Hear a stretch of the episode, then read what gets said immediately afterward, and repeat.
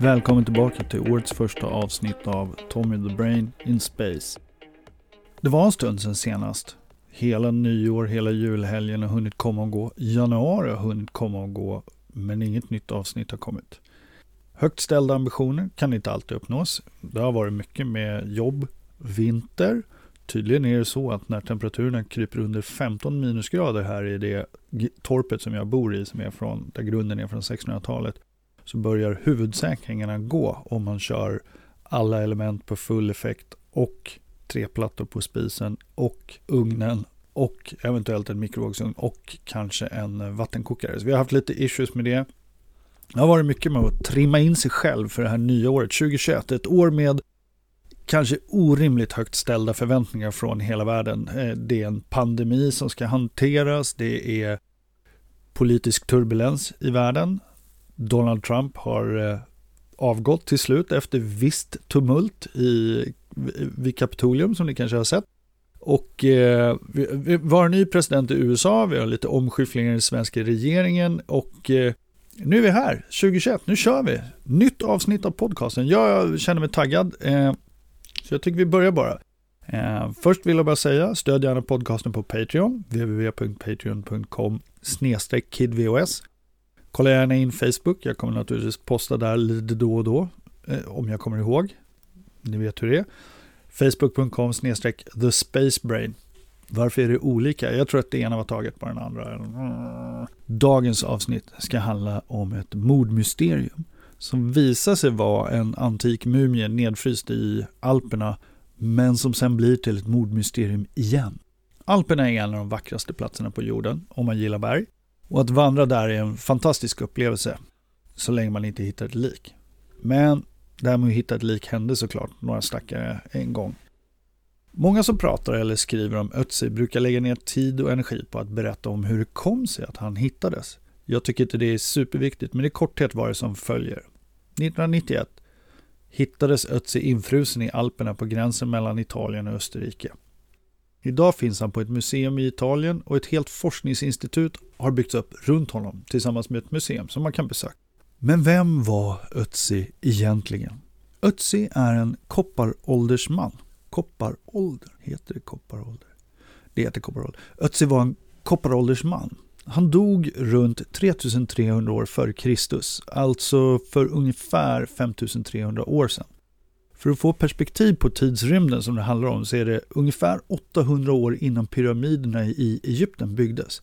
Bronsåldern hade precis inletts i den bördiga halvmånen. Boskap hade införts i Nildalen och drejskivor användes för första gången. En högstående civilisation uppstår ungefär samtidigt i Indusdalen.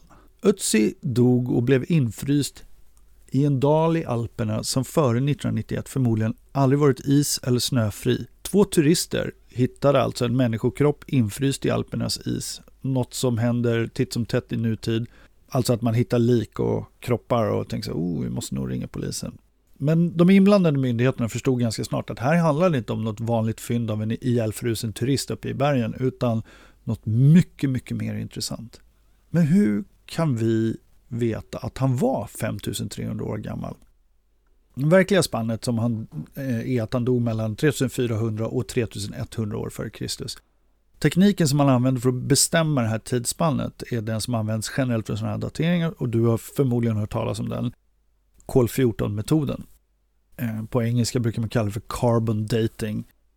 Den viktigaste frågan som jag nästan alltid tycker att man missar i historiska dokumentärer och liknande på tv och, och, sånt är att man, man är ofta fixerad vid att man ska göra någonting lite häftigt och balt. Eh, kanske gärna med några skådespelare som iscensätter något häftigt eh, händelseförlopp.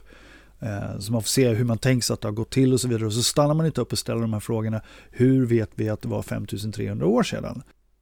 Och sättet vi vet det på är ju då med kol 14-metoden. Men okej, okay, då kan man slänga ut det. Så här, vi, vi, vi använder kol 14-metoden. Den är så etablerad att det räcker egentligen med att man säger det var kol 14-metoden. Men det kan finnas ett värde i, tycker jag, att ganska ofta bara återbesöka. Så här, men hur funkar den då?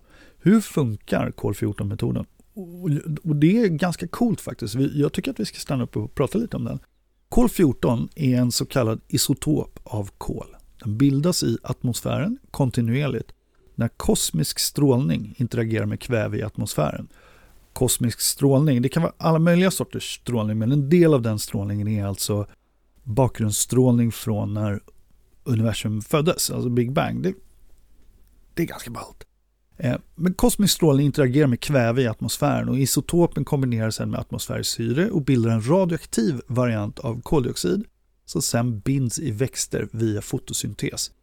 Växterna använder ju som sagt eh, solljus för att bilda sockerkedjor av koldioxiden eh, och då binder de upp det här kolet i sig. De här växterna äts sen av djur så det sker alltså en kontinuerlig tillförsel av kol-14-isotopen så länge en växt eller ett djur lever.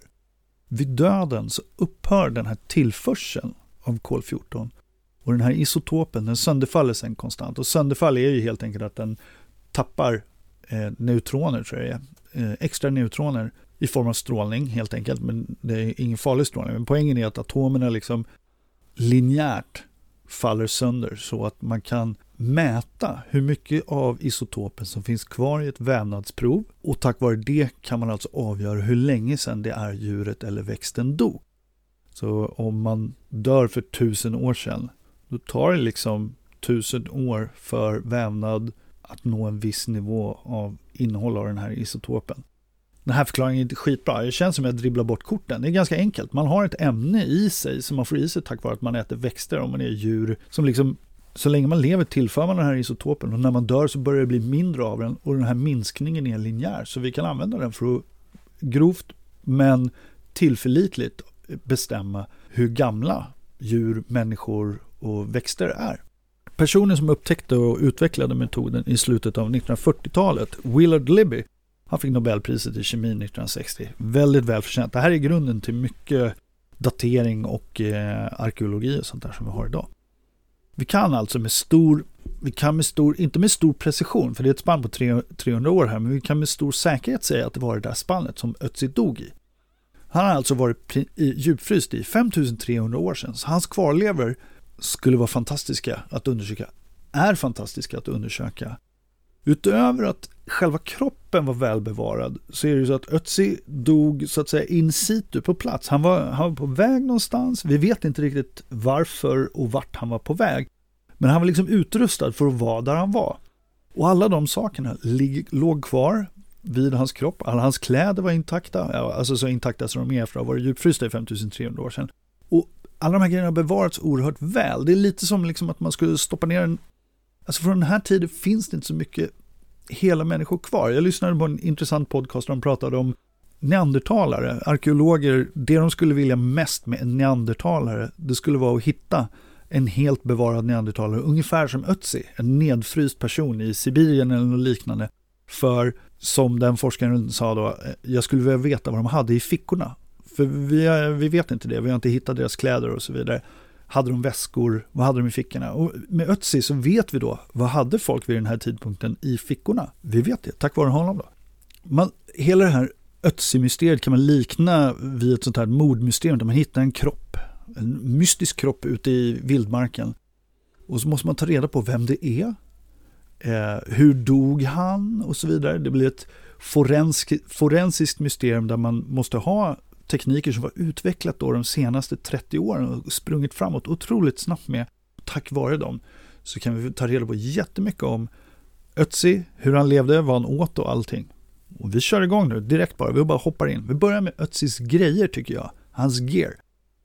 Ötzi hade välbevarade kläder och föremål med sig. Om vi börjar med kläderna så var han alltså vid tillfället för sin död så var han klädd i en kappa av vävt gräs och en rock. Han hade ett bälte, en slags föregångare till hosor, alltså gamla byxor som inte har någon gren utan bara är som ett par tights eller strumpor eller någonting man drar över hela benen. Höftskynke och skor. Allt utom den här kappan var gjort av olika djurhudar och läder. Han hade också en mössa gjord av björnskinn med en hakrem så att den skulle sitta kvar. Hans skor var vattentäta och gjorda av björnskinn för sulorna, hjortskinn för överdelen och var fyllda med gräs som fungerade som isolering och strumpor. Resten av kläderna var gjorda av vertikala remsor av läder som var ihopsydda med senor. En kappa av gräs kanske låter opraktiskt, men det var i själva verket en genial regnrock. Har du också noterat att vissa gräs och löv inte blir blöta utan att vatten pärlar sig i droppar som inte riktigt verkar nudda själva lövet? De löven och gräsen har som ett superfint hår på ovansidan som gör att vattnet på grund av ytspänning inte kan tränga ner och faktiskt nudda själva ytan. Och, den, eh, och det fenomenet utnyttjade Ötzis kappa gjord av vävt gräs. Ganska häftigt. Ötzis skor har återskapats av en tjeckisk akademiker som konstaterade att de var så komplexa att det redan för 5300 år sedan måste ha funnits specialiserade skomakare som tillverkade skor åt andra människor. Vi kommer vi prata lite mer om det här när man pratar om vad man tror att Ötzi var för slags person och han jobbade med så att säga. Men kopparåldern det är alltså åldern precis innan bronsåldern. Eh, brons kräver handel för att tenn Eh, brons består av koppar och tenn och tenn kommer från antingen Wales eller från Afghanistan och koppar kommer från runt Medelhavet. Där finns det ganska gott om koppar. Så för att man ska kunna göra brons så måste man ha handelsnätverk. Det här är precis innan det kan man säga. Man har förmodligen börjat hålla på med brons någonstans. Men redan vid den här tiden då, det här är alltså direkt efter stenåldern, sen stenålder, eh, den neolitiska eran. Och det är nu som människan för första gången börjar använda metallföremål och det finns yrken. Och hur såg det ut? Hur skaffade man sig då ett par skor om man var ötzi? Jag tycker sånt är superkul att tänka på, att, för det här är så tydligt, det här är en människa som man har hittat nedfrusen i, i, i en glaciär i Alperna. Och han har ju levt eh, för länge sedan. Och det fanns andra människor, precis som han, och genetiskt är de så gott som exakt likadana som vi som lever idag. Men de hade väldigt andra förutsättningar. Men han hade alltså fullgoda kläder som klarade av det stränga vädret och klimatet som råder i Alperna. Eh, han var väl förberedd och eh, vi kommer att prata om vad han åt och det var inte så dåliga grejer. Så jag tror att man ofta tänker sig att folk levde primitivt på den tiden, men primitivt tolkar, of, tolkas ofta som att samhället och organisationen i samhället inte var komplicerade, utan att allt var lite ugg-ugg sprang man, folk och slog, eh, man sprang runt och slog ihjäl djur och åt dem med sina bara händer. Så var det nog inte, utan för att klara sig framgångsrika samhällen redan här, byar och klaner och så vidare, de var nog ganska organiser organiserade och sofistikerade, alltså inte alls primitiva. Det enda primitiva var att de sydde ihop sina kläder med djursenor. Men om man tittar på traditionellt hantverk från samer och liknande som, så kan man ju se att man kan göra väldigt avancerade grejer med ganska enkla föremål, det tar bara längre tid. I en text om vikingatiden från eh, eh, Svensk skola idag, som min yngsta dotter har fått, så står det att eh, vikingarna handlade med byteshandel och att det inte fanns pengar.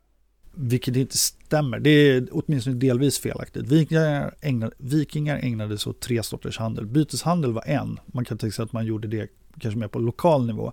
Handel med silver var en och sen tror jag att de även präglade mynt. Nu är det här mycket senare, det är flera tusen år senare. Men behovet av pengar som idé har egentligen varit konstant. Du kanske har fått höra av någon att det vore bättre om vi alla ägnade oss åt byteshandel. Vilket låter bra ända tills man försöker köpa bröd på ICA med äpplen och inser att alla andra har äppelträd också att handlaren är allergisk mot äpplen. Mynt och pengar är liksom mellanhanden i byteshandeln. Men hur såg det då ut när Ötzi gav sig ut på den fria marknaden och köpte skor? Som sagt, han gjorde inte de här skorna själv till sig själv. Någon annan gjorde dem. Vilka tjänster och gentjänster utfördes av Ötzi för att få tillgång till skomakarens braiga skor? En del forskare tror att eh, Ötzis skor var snöskor och att hans ryggsäck av trä var en del av den här konstruktionen för att göra ett par snöskor. Själva, liksom, om ni någonsin har sett ett par snöskor så är det som en ram med lite läder på. Jag har ett par snöskor själv faktiskt här i torpet och, och det funkar. Det är lite coolt. Men det, det kan man ju inte riktigt veta, men för den här ryggsäcken han hade på sig, den var liksom lite demolerad och ihoptryckt. Alltihopa var lite ihoptryckt, det är ofta ett problem med sådana här gamla saker, att det är ihoptryckt och hur plockar man isär det? Och i Ötzis fall så har man gjort jättemycket 3D-röntgen och sånt där. Eh, vi går vidare med kläderna. Skinnet till höftskynket och rocken kommer från får och DNA-analys DNA-analys har visat att arten är närmare släkt med moderna tamfår än vilda får vid den här tiden. Så man hade alltså får i tama flockar som man tog hand om och skyddade mot rovdjur för att utnyttja och få tag på ull och så vidare. Hosorna, hans byxor, de är gjorda av getskinn och DNA-analys av getskinnet visar att det kommer från en art som finns i Centraleuropa än idag. För att göra en sidnot, hela den här podcasten är egentligen som en ursäkt för mig jag har sidospår och prata om lite saker, vad jag vill här. Och jag gillar att titta på YouTube-videos med människor som försöker göra saker så som de gjordes för flera tusen år sedan. Eh, en av mina favoriter är How to make everything, som, som ni kan kolla in. Men det verkar ganska logiskt när man tittar på sånt att yrken och specialisering måste ha uppstått tidigt i människans utveckling. Om man tittar på vilken given video som helst om kopparsmide eller läderbearbetning så förstår man att ja, vissa delar av arbetet kunde mer eller mindre samtliga en grupp av människor bidra med. Men mycket av arbetet kräver specialkunskap och liksom erfarenhet som tar lång tid att etablera för att kunna genomföra effektivt. Jag eller du, vi skulle kunna titta på en YouTube-video imorgon, smälta koppar i en form och sen hamra på det. Vi skulle kunna göra en kniv, men den skulle vara dålig. Jättedålig. Första kniven kanske inte ens skulle bli en kniv, men vi skulle behöva träna jättemycket. Så specialisering kommer nog mycket tidigare än man kan tro. Jag hittade för övrigt en artikel om det här i The European Journal of Archaeology. Nu har jag tappat bort den. Där har vi den. Ja, eh, en artikel i The European Journal of Archaeology där eh, författaren nu ska vi se här. Han har studerat tidiga bronsåldersyxor för att hitta skillnader i hur väl gjorda de här bronsåldersyxorna är. Och han vill man brukar prata om i arkeologiska termer om specialister och han tycker att det är en för grov indelning av skickligheterna. Han menar att man borde ha amatörer, hantverkaren, craftsperson på engelska, mästaren och virtuosen. Och att man kan se då i utvecklingen av yxor och andra föremål att de här olika nivåerna har funnits. Och det är ganska logiskt, man kan ju tänka sig att Ja, alltså en, en amatörbronsmed, är det något som egentligen kan ha existerat? Ja, kanske hade man tillgång till att kunna smida en enkel yxa själv. Men återigen, brons kräver tenn och koppar och import och handel för att kunna fungera. Så det här arbetet kräver specialisering för att veta hur man ska göra helt enkelt. Så om man till exempel tänker sig att samhällen är mer eller mindre bofasta, blandat så här, kanske vi efter en jakt så deltar många i att flå, stycka och förbereda djuret och ta tillvara på delarna. Men sen arbetar säkert många med att skrapa bort kött på hudarna. Men för att faktiskt göra bruksföremålen så har jag svårt för att tänka mig att samtliga i en by arbetar med sömnad och liknande. De skickligaste personerna inom en yrkeskategori är ju ofta tio gånger duktigare och snabbare än de som är inte skickligast. Det här är ju alltså efter jordbrukets införande, så majoriteten av kalorierna kommer heller inte från jakt, så att det är inte ett helt jaktlag som är ute och jaga stora mammutar och man måste, alla måste ha med sig en yxa för nu ska vi stycka upp den här mammuten. De var utdöda över det här laget. Och ta med oss allt köttet hem till våran, våran lilla kringvandrande grupp av människor som är max 100 personer stor. Jag har försökt hitta information om hur stora de största bosättningarna runt Medelhavet kan ha varit med den här tiden. Det har varit jättesvårt att hitta. Nu har jag precis hittat The Journal of European Archaeology och jag kanske måste köpa en prenumeration på den för att ta reda på mer fakta. Vi får se hur det blir med det. Eh, människorna är i alla fall bofasta och då, då blir det så intressant att spekulera hur organisationen kan ha sett ut där. Okej, vi går vidare från Ötzis kläder. Det finns människor som har återskapat hans kläder i modern form, framförallt hans skor då. Och de är, det är bra grejer. Vi går vidare till hans grejer. Ötzi hade med sig saker på sin, den här sista ödesdigra utflykten över Alperna. Eh, på bältet så hade han en liten pung. Eh, fylld med användbara saker som en skrapa, en borr, en flisa av flinta och en syl gjord av ben. Utöver det hade han också torkad svamp i den. När man säger en pung så tror jag, jag kan mycket väl tänka mig om det är någon här som har råkat sett den amerikanska tv-serien Alone, som är den bästa överlevnadsäventyrsserien som finns, för den är otroligt rolig, så var det alltså en kille i en säsong som dödade en myskoxe med en kniv. Och det är ganska svårt. Han kastade spjut på den först och sen så, eller sköt pilbåge, någon av de två grejerna. Och sen så sprang han fram och knivade ihjäl den. Otroligt. Men han sparade grejer i djurets pung specifikt. Nasty. I, I, alla fall, eh, svampen som Ötzi hade i den här pungen, den torkade svampen, var inte matsvamp utan en typ av svamp som används i tiotusentals år för att göra upp eld och bära med sig eld. En av anledningarna till att jag snöade in på Ötzi igen var att jag såg Paul Stamets, eh, som är en av världens främsta svampforskare, pratar om just Ötzis svampar och deras användningsområden. Den här svampen, det är typ eh, en slags ticka tror jag, som finns på träd i Sverige också. Man kan plocka av den Den kan brinna länge, man kan göra eh, filt av den, göra hattar och allt möjligt. Men framförallt så kan man alltså bevara en glöd inuti den här svampen om man lagrar den på rätt sätt och binder ihop det på rätt sätt. Så nu går vi vidare från svampen. Svampar är roliga eh, och förtjänar sitt, ett helt eget avsnitt. För svampar är den tredje grenen av liv på jorden. Vi har växter, vi har djur och vi har svampar. Jag skulle gå vidare från svampar. Jag vet att jag fortfarande pratar om svampar, men jag ska gå vidare från svampar och jag gör det nu. För nu ska vi prata om Ötsis yxa. Han bar på en kopparyxa av idegran. Eh, den här yxan är ganska häftig. Det här är precis innan bronsåldern. Eh, jag har ju pratat lite om det tidigare. Eh, bronsåldern kommer precis efter den här tiden som kan kallas för kopparåldern. Brons är en legering av tenn och koppar. Ett yxhuvud i koppar som det på Ötsis yxa. Själva skaftet på yxan var gjort av idegran. Eh, men det här yxhuvudet då tillverkade man med gjutning, kallsmide, polering och slipning. Det är en väldigt krävande process och eh, som jag nämnde så finns det YouTube-kanaler där människor gör sådana här saker. De tillverkar kopparverktyg och det är väldigt tids och arbetskrävande. Jag ska försöka slänga in en länk i beskrivningen till det här podcastavsnittet till eh, videos där folk gör kopior av den här yxan eller replikor av den här yxan i fotnoterna. Först måste man ju till att börja med ha koppar vilket alltså under tiden före modern ålder, alltså vår tid, var en metall som man lätt kunde utvinna direkt från marken vi går på. Det är svårt att tänka sig idag eftersom alla ytliga fyndigheter av koppar är tömda av eh, tidigare människor, alltså antikens människor. Men man kunde alltså plocka upp klumpar av kopparmalm direkt från marken. För att sen smälta den så, kan, så att man kan gjuta något av den så bör man hetta upp metallet till strax över 1000 grader, något man inte kan göra i en vanlig liten lägereld.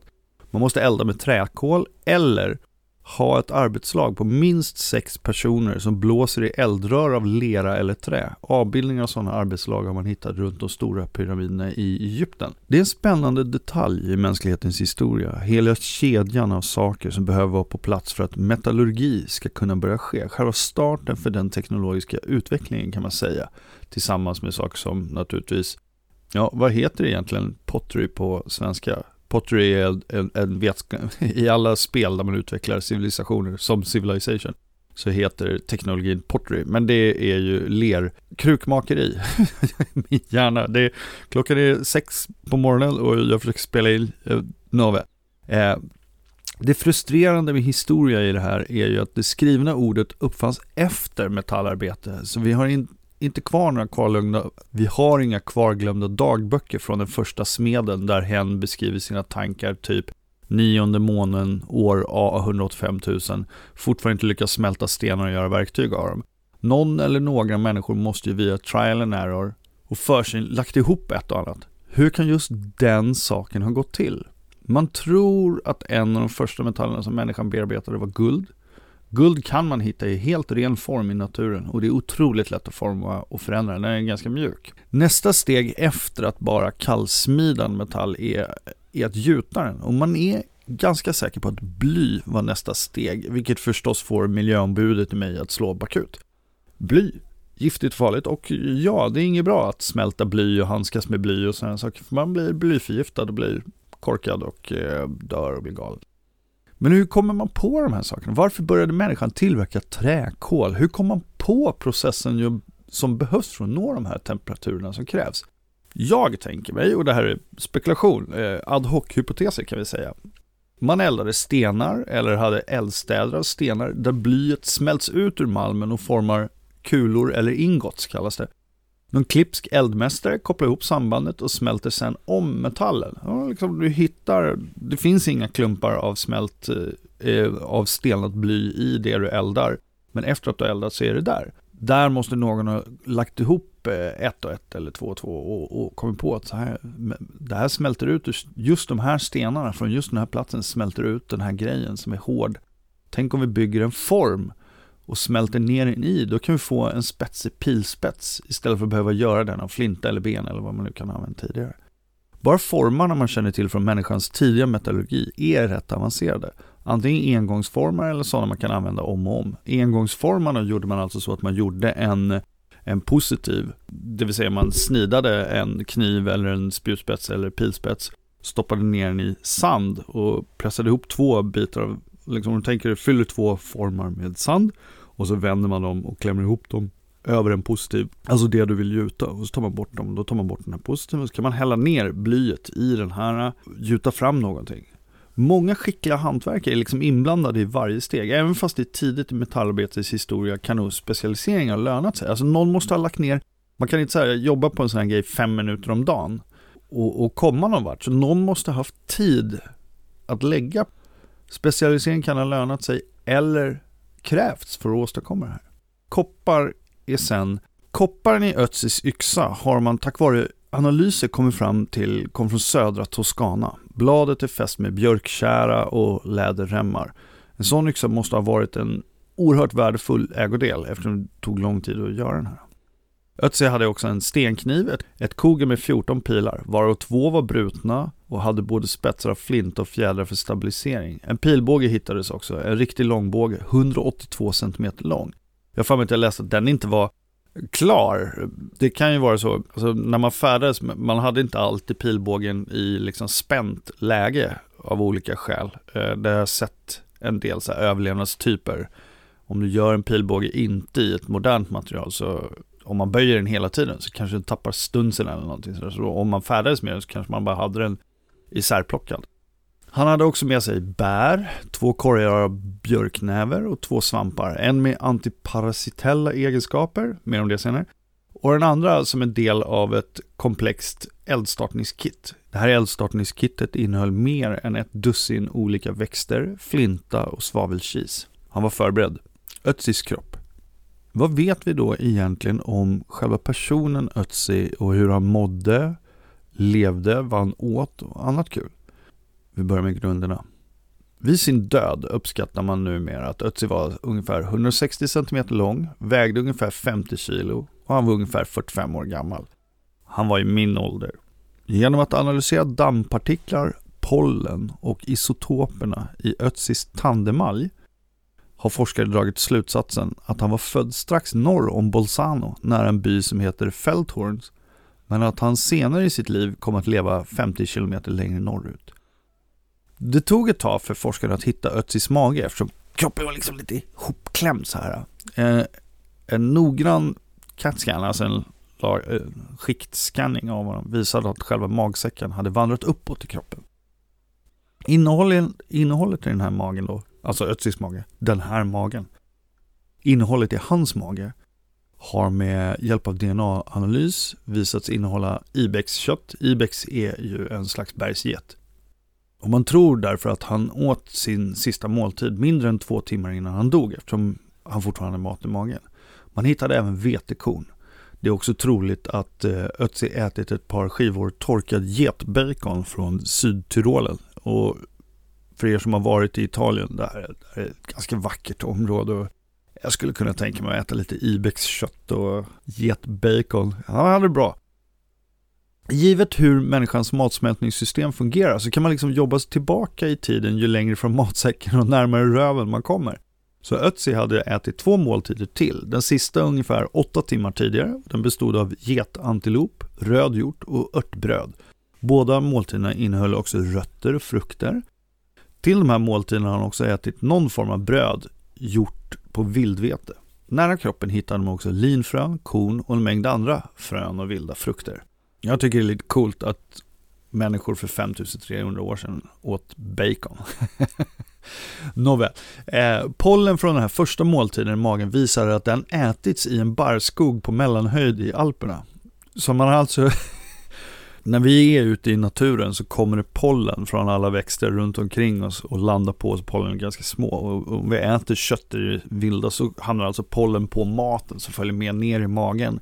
Och genom att analysera det här pollenet så har man kommit fram till att, att eh, Ötzi hade ätit måltiden på mellanhöjd i Alperna. Och andra pollen som man har hittat kanske på kläder och liknande indikerar närvaro av vete och bönor som kan ha varit odlade grödor. När de analyserade Ötzis hår så hittade man höga nivåer av arsenik och kopparpartiklar i det. Det tillsammans med Ötzis yxa som är 99,7% ren koppar får forskarna att tro att Ötzi kan ha arbetat med koppargjutning, alltså att det var hans faktiska yrke. Ötzis smalben, lårben och höftben visar att Ötzi under sin livstid gått mycket långa sträckor över kuperad bergig terräng. Det är inte typiskt för andra skelett från tiden, vilket antyder att Ötzi kan ha levt som höghöjdsherde. Det som är intressant här då, jag pratade om specialisering tidigare, om han också jobbade med koppargjutning, men generellt som höghöjdsherde, hur kan det sett ut? Ja, man kan ha gjort de här sakerna vid olika tider på året förstås. Man kan ha varit herde i några månader och sen under vintertiden till exempel när man har djuren inne eller någonting. Jag vet inte hur man har eh, fåren i Alperna. De kanske är ute på vintrarna också. Eller så hade man... Ja, och, och så på vintern kanske man göt koppar. Vem vet? Ötzi hade en eh, led av piskmask, en form av rundmask som uh, lever, i, lever i en han hade med sig en typ av svamp som har vissa antiparasitella egenskaper. Och hans fingernaglar hade båslinjer. Eh, det blir linjer i naglarna som kan visa hälsotillståndet. De indikerade att han hade varit sjuk tre gånger under de senaste sex månaderna av hans liv. Märkligast, eller kanske inte så märkligt, var att han hade massor med hål i tänderna. Om man läser runt lite på nätet så kan man hitta hur mycket skrivet som helst om att just införandet av mjöl och socker i naturnära kulturer och samhällen har ödesdigra konsekvenser för tandhälsan. Man spekulerar att det här berodde på att Ötzi åt mycket kolhydrater. Och Ötzi var även laktosintolerant. Allt det här vet vi om en person som levde för 5300 år sedan. Det är ganska galet. Ötzi är i alla fall den äldsta tatuerade mumien man någonsin hittat. Han har 61 tatueringar över hela kroppen och det är många som sitter runt områden där Ötzi kan ha haft ont på grund av slitage på leder och andra skelettdelar. Skelett. Eh, så det kan ha funnits någon lite magisk komponent i tatueringen. Efter att man har sekvenserat Ötzis DNA och analyserat DNA från 3700 manliga blodgivare i Tyrolen så har man hittat 19 män som delar en mycket sällsynt mutation med Ötzi de, är alltså, de här männen, de 19 nu levande männen, är alltså släkt med honom. Eh, ganska cool. Väldigt cool att veta att man är släkt med en person. Vi är alla släkt med en person som levde för 5300 år sedan. Det går liksom hand i hand med själva konceptet att vi lever och existerar överhuvudtaget. Men eh, att hitta en person, en, en, en, en person som man vet levde för 5300 år sedan, som man är släkt med. Det måste vara häftigt. Nåväl, jag sa ju i början av avsnittet att det här var ett mordmysterium som sen blev en arkeologisk utgrävning. Men sen blev det ett mordmysterium igen. När dog Ötzi? Jag vet inte om jag sa det, men den här analysen av pollen och annat maginnehåll antyder att han dog i, på senvår eller tidig sommar. Mm. Under de två sista dagarna i Ötzis liv så åt han ju tre måltider och gick från en höjd av ungefär 2000 meter ner till dalgångens eh, botten och sen upp till bergen igen där de hittade honom på 10 500 fot. Varför sa jag ens 10 500 fot? 10 500 fot är ungefär 3500 meter eller någonting sådär. När man undersökte Ötzis kropp så hittade man ett djupt jack i hans högra hand mellan tummen och pekfingret hela vägen in till benet och som eh, man analyserar hur mycket det här hade läkt så man kunde dra slutsatsen att det här såret var ungefär två dagar gammalt baserat på hur mycket det hade helat. Det man upptäckte utöver det här såret vid tummen som gjorde det här till ett mordmysterium och väckte folks intresse och fantasi till liv igen var ju Ötzis dödsorsak. Hur hade han dött och varför hade han dött på just den här platsen? Man röntgade honom igen och igen och igen naturligtvis. Och tio år efter att man hittade honom, alltså i början av 2000-talet, då hittade man en pilspets av flinta inbäddad i hans axel. Eh, man använde faktiskt en polis, eh, en mordutredningspolis för att jobba med det här. Men den här pilspetsen, den var alltså inbäddad när man har, man har liksom tittat närmare på såret och vilken skada den har gjort man är ganska säker på av olika anledningar till att den här pilen, och jag gissar att man kanske har gjort genomträngningsförsök med pilbågar och den typen som man hade på den här tiden, så skjuter man på kött och ser hur långt de tränger in. Och då har man dragit slutsatsen att eh, pilen hade avfyrats på ungefär 30-35 meters avstånd, vilket är ganska långt. Eh, det låter inte så långt, men för att pilbågen ska vara effektiv så måste den ha kvar kraft i pilen när den kommer fram och kraften minskar ju längre ifrån mig. Men pilen gick in under vänster armhåla och skar igenom ungefär en och en halv centimeter av en artär. Och det här såret skulle ha varit dödligt även i modern tid. Framförallt om du skulle ha råkat bli, om du hade råkat få av den här artären uppe i Alperna själv på 3500 meters höjd skulle du inte ha överlevt. Han blev förmodligen skjuten bakifrån av någon och det här fascinerar folk då att dels har Ötzi det här två dagar gamla eh, ganska allvarliga såret vid tummen och så har han blivit skjuten bakifrån med pilbåge upp på 3500 meters höjd och varför då? Blev han rånad? Nej, han hade ju kvar alla grejer, framförallt den här väldigt värdefulla, eh, värdefulla kopparyxan. Eh, och eh, man tror inte att Ötzi var förberedd på att det här skulle ske. Han hade gått ner till dalen några dagar innan, det har vi analyserat och kommit fram till. Sen har han gått upp till den här höga höjden igen.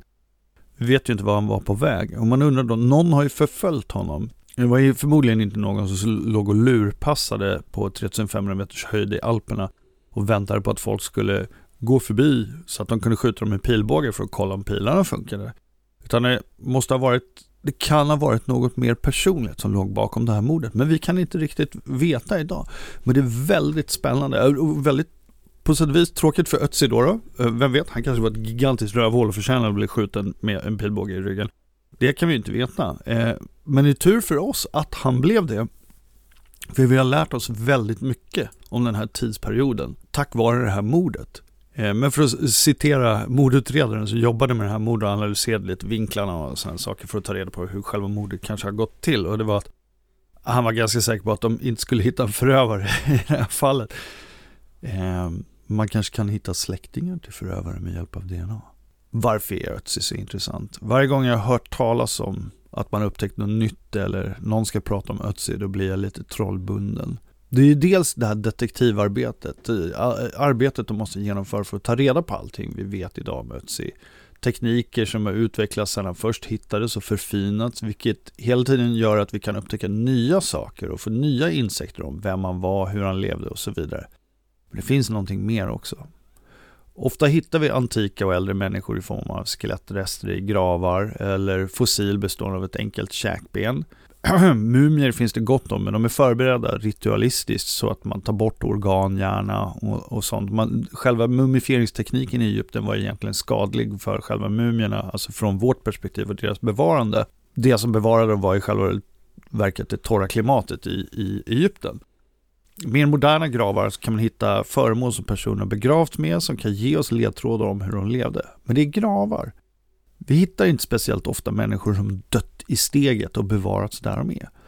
Ett av de mer kända exemplen där man hittat just sånt är kvarlevorna efter människor i Pompeji där allting begravs i aska och pimpsten och bevaras som ett makabert vaxmuseum över just hur folk såg ut, var klädda och bodde för 2000 år sedan. Det är dock inte helt sant. Ehm, jag tänker på de här avgjutningarna av människor som är så här, de duckar och så vidare i Pompeji. De människorna, deras kvarlever fanns inte utan det som fanns var håligheter efter deras kroppar i askan som täckte hela Pompeji.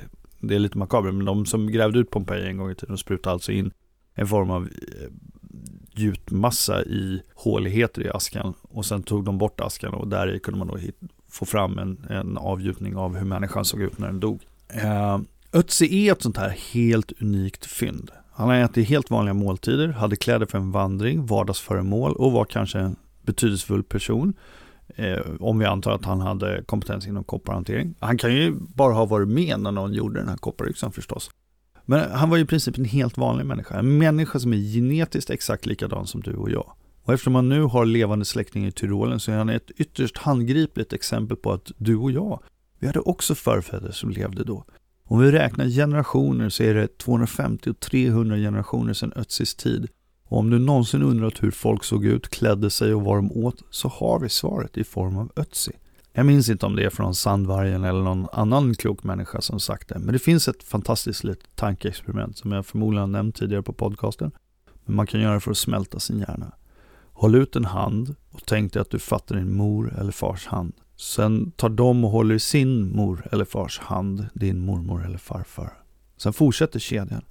Efter 300 personer så är du 5300 år tillbaka i tiden och på Ötzis tid. Kedjan är helt obruten, annars hade du aldrig funnits. I Sverige kan vi med viss lätthet släktforska oss tillbaka ungefär 10 generationer, 300 år tillbaka i tiden. Vi kan hitta namn och foton, kyrkböcker, domar i domstolar, avtal, pappersarbete som kan ge oss en viss bild av de här människorna. Men sen blir det suddigare. Oerhört suddigt. Men kedjan är oavsett detta obruten. Den går rakt genom renässansen, medeltiden, pesten. Din familj klarade sig, till skillnad från 30-50% av Europas befolkning. Vikingatiden kommer och går, det romerska imperiet föds och dör, kedjan, fast om vi går baklänges då så dör och föds det romerska imperiet. Och kedjan fortsätter ända tillbaka till Ötzis tid. Men den slutar ju faktiskt inte där. Jag vill ju avsluta den här genomgången om vad vi vet om Ötzi med att påminna dig att den obrutna kedjan av handhållning fortsätter och fortsätter. Efter otaliga generationer, ungefär 7000, så är det inte moderna människor som håller i handen utan Homo erectus och andra varianter. Den här kedjan slutar aldrig. Den fortsätter genom hela jordens geologiska historia och tar dig hela vägen till de första encelliga organismerna i tidvattenzonernas bördiga områden. Vi är bokstavligt talat släkt med allt liv på jorden. Allihopa. Och det är ganska coolt. Innan vi säger hej då vill jag påminna om min Patreon på patreon.com kidvos. Mitt första Patreon-mål var att nå finansiering för alla kostnader relaterade till podcasten och researchen jag gör. Ett blygsamt mål om jag får säga det själv.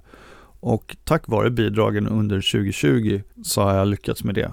Eh, jag är oerhört tacksam för det. Med pengarna som mina Patreons har bidragit med nu så har jag beställt, dels har jag köpt boken Something Deeply Hidden om kvantfysik.